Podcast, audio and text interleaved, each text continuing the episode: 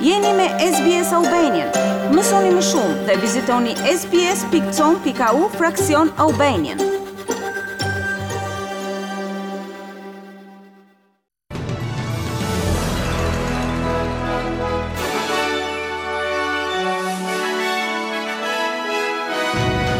Në buletinin e sotëm informativ do të ndiqni Ishulli në liqenin Burley Griffin të Kamberës është riemëruar për nder të mbretëreshës Elizabeth. Udhëheqësi afrikan bën thirrje për heqjen e sanksioneve ndaj grurit rus. Dhe në sport, Rafael Nadal kalon në finalen e French Open për herë të 14, pasi Zverev u tërhoq nga loja me dëmtim në kyçin e këmbës. Dhe vazhdojmë më gjerësisht me lajmet. Një ishull në liqenin Burley Griffin të Kamberës është riemëruar për nder të mbretëreshës me rastin e festimeve të jubileut platinë të saj.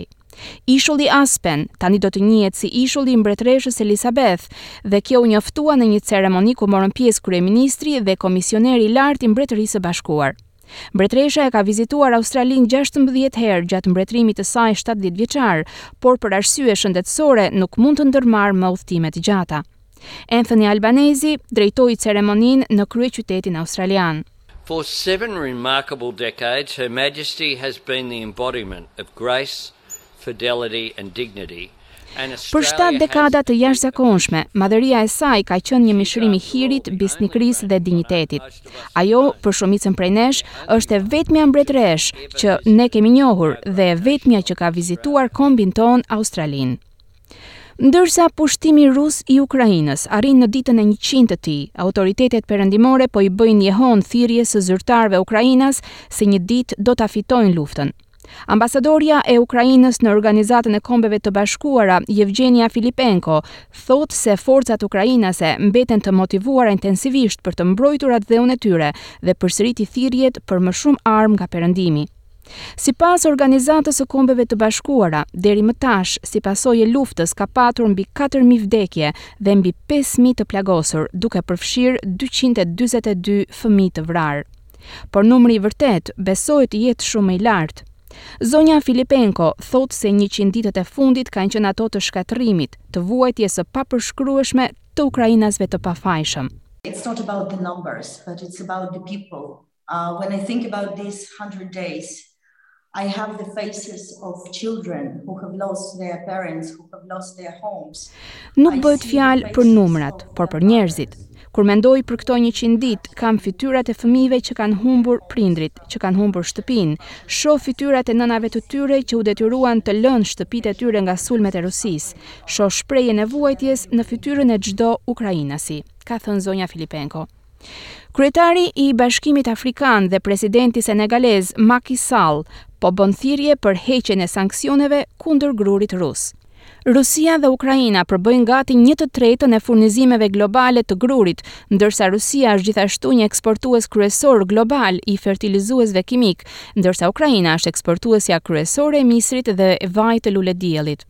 Pasi foli me presidentin rus Vladimir Putin, Sall thotë se Kremlini e kishte siguruar atë se ishte gati të mundësonte eksportin e grurit ukrainas. Kjo thirrje e presidentit senegalez Sall vjen në mes të një krize globale ushqimore të shkaktuar nga lufta, për të cilën Sall thotë se po godet veçantërisht Afrikën.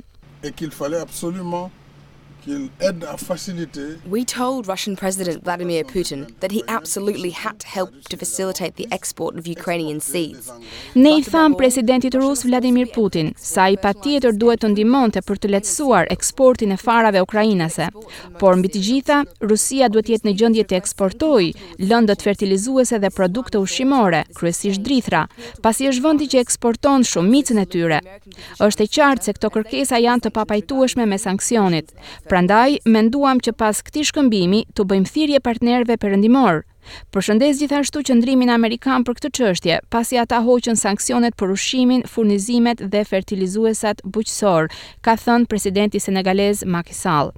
Putini u ka thënë mediave shtetërore ruse se Ukraina mund të eksportojë grurë nga portet, përfshirë Odesën, nëse i pastron ato nga minat. Një muze i artit modern në Republikën Çeke po shfaq një instalacion special në 33 vjetorin e protestave të sheshit Tiananmen. Bëhet fjalë për statujën famkeqe të shtyllës së turpit për të përkujtuar ditën kur zyrtarët ushtarakë kinezë goditën protestuesit pro-demokratë në sheshin Tiananmen të Pekinit në vitin 1989.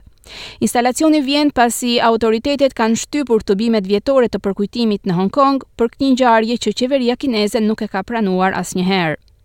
Jens Galschiøt është artisti krijues i instalacionit në Muzeun Çek. Ky instalacion do të tregojë në një farë mënyre shpirtin e Hong Kongut, Pra, ndërsa Hong Kongut iu ndalua të përkujtonte çfarë ndodhi në Kinë dhe në Hong Kong, atëherë po e rikujtojmë ne nëpërmjet krijimit të kësaj ekspozite. Dhe unë jam pjesë e saj.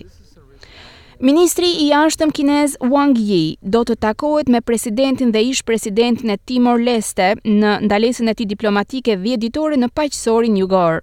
Zoti Yi u takua me kryediplomatin e Timor-Leste, Adaliza Magno në kryeqytet, ku ata nënshkruan marrëveshje mbi bujqësinë, partneritetet mediatike dhe bashkëpunimin ekonomik dhe teknik. Kombet kanë nënshkruar gjithashtu një marrëveshje për dërgimin e një ekipi mjekësor kinez në Timor-Leste, sipas lajmeve të qeverisë lokale, por nuk ka patur marrëveshje për çështjet ushtarake dhe të sigurisë. Ndërkohë Australia vazhdon të shprehë shqetësimin e saj për ndikimin në rritje të Pekinit në Paqësorin Jugor dhe në vende të tilla si Ishujt Solomon, ku një marrëveshje kyçe e sigurisë u vulos në fillim të turneut të Wang në tetë vende javën e kaluar. Dhe me lajme nga vendi, një djalë gjashtëmbëdhjetë vjeçar është goditur me thikë për vdekje në një shtëpi në Sidnin Perëndimor. Shërbimet e urgjencës u thirrën në shtëpinë e Ropes Crossing herët të shtunën në mëngjes. Policia kreu masat e ndihmës së shpejtë përpara se të arrinin mjekët, por fatkeqësisht djali vdiq në vendngjarje. Çështja është nën hetim. Babai i një vajze dhjetë vjeçare, që u vra në masakrën në shkollën Uvalde në Teksas, dhe një punonjës i shkollës, ka ndërmarrë hapat fillestarë për të ngritur padi kundër prodhuesit të pushkës gjysmëautomatike të përdorur në masakrën e javës së kaluar. Avokatët e zotit Alfred Garzas, babai i studentes së shkollës fillore Robb Amerie Jo Garza, kanë kërkuar në një letër që Daniel Defense t'u japë informacione rreth marketingut të kësaj arme për adoleshentët dhe fëmijët. Një inxhiniere elektrike 26 vjeçare do të bëhet gruaja e parë meksikane në hapësirë, kur ajo t'i bashkohet ekuipazhit ndërkombëtar për një fluturim 10 minutash të nisur nga Blue Origin i miliarderit Jeff Bezos. Katya Echazarreta është pasagjerja e parë e sponsorizuar nga organizata jofitimprurëse Hapësira për Njerëzimin dhe do të bëhet gruaja më e re që fluturon në hapësirë. Një tjetër anëtar i ekuipazhit është inxhinieri Victor Correa Hespanha, braziliani i dytë që do të fluturojë në hapësirë. Zonja Echazarreta thotë se demografia aktuale e atyre që kanë shkuar në hapësirë nuk përfaqëson popullsinë e planetit. I want a little Mexican girl who Dua që një vajzë e vogël meksikane t'u thotë prindërve të saj, dëshiroj të shkoj në hapësirë dhe reagimi i tyre të mos jetë sikur kjo nuk ka ndodhur kurrë, por përkundrazi, të tjerë para teje e kanë arritur dhe mund ta arrish edhe ti nëse e dëshiron.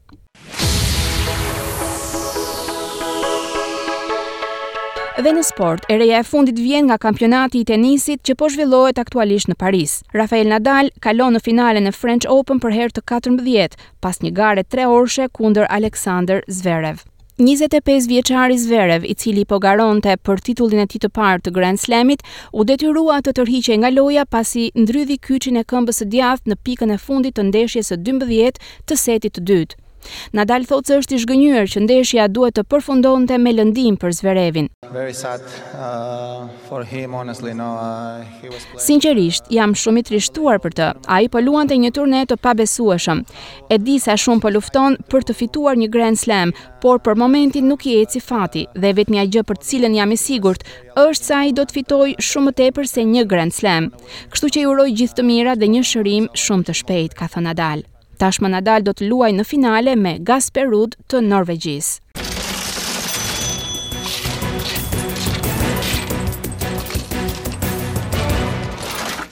Do të kalojmë tani në kursin e këmbimit të valutës australiane. Një dolar australian sot këmbehet me 80.78 lekë shqiptare, zero pikë gjashtëdhjetë e shtatë euro, zero pikë shtatëdhjetë e dy dollarë amerikanë dhe me dyzet e një pikë tridhjetë e tetë denarë të Maqedonisë së Veriut. Vazhdojmë me parashikimin e motit për ditën e sotme dhe të nesërme. Sot nëpër qytetet australiane u regjistruan këto temperatura. Sidni, tetë tetëmbëdhjetë, Melburn, tetë pesëmbëdhjetë, Brisbën, gjashtëmbëdhjetë njëzet e dy, Përth, gjashtë tetëmbëdhjetë, Adelajde, njëmbëdhjetë gjashtëmbëdhjetë, Kanberra, dy njëmbëdhjetë, Hobart, shtatë trembëdhjetë, Darwin, njëzet e katër dhe tridhjetë e dy gradë Celsius. Për nesër Byroja e Parashikimit të Motit sjell këto temperatura. Sidni nëntë tetëmbëdhjetë, Melbourne dhjetë trembëdhjetë, Brisbane dhjetë njëzet e një, Perth gjashtë tetëmbëdhjetë, Adelaide nëntë trembëdhjetë, Canberra katër dymbëdhjetë, Hobart katër trembëdhjetë dhe Darwin njëzet e katër tridhjetë e një gradë Celsius. Dëgjuat edicionin informativ.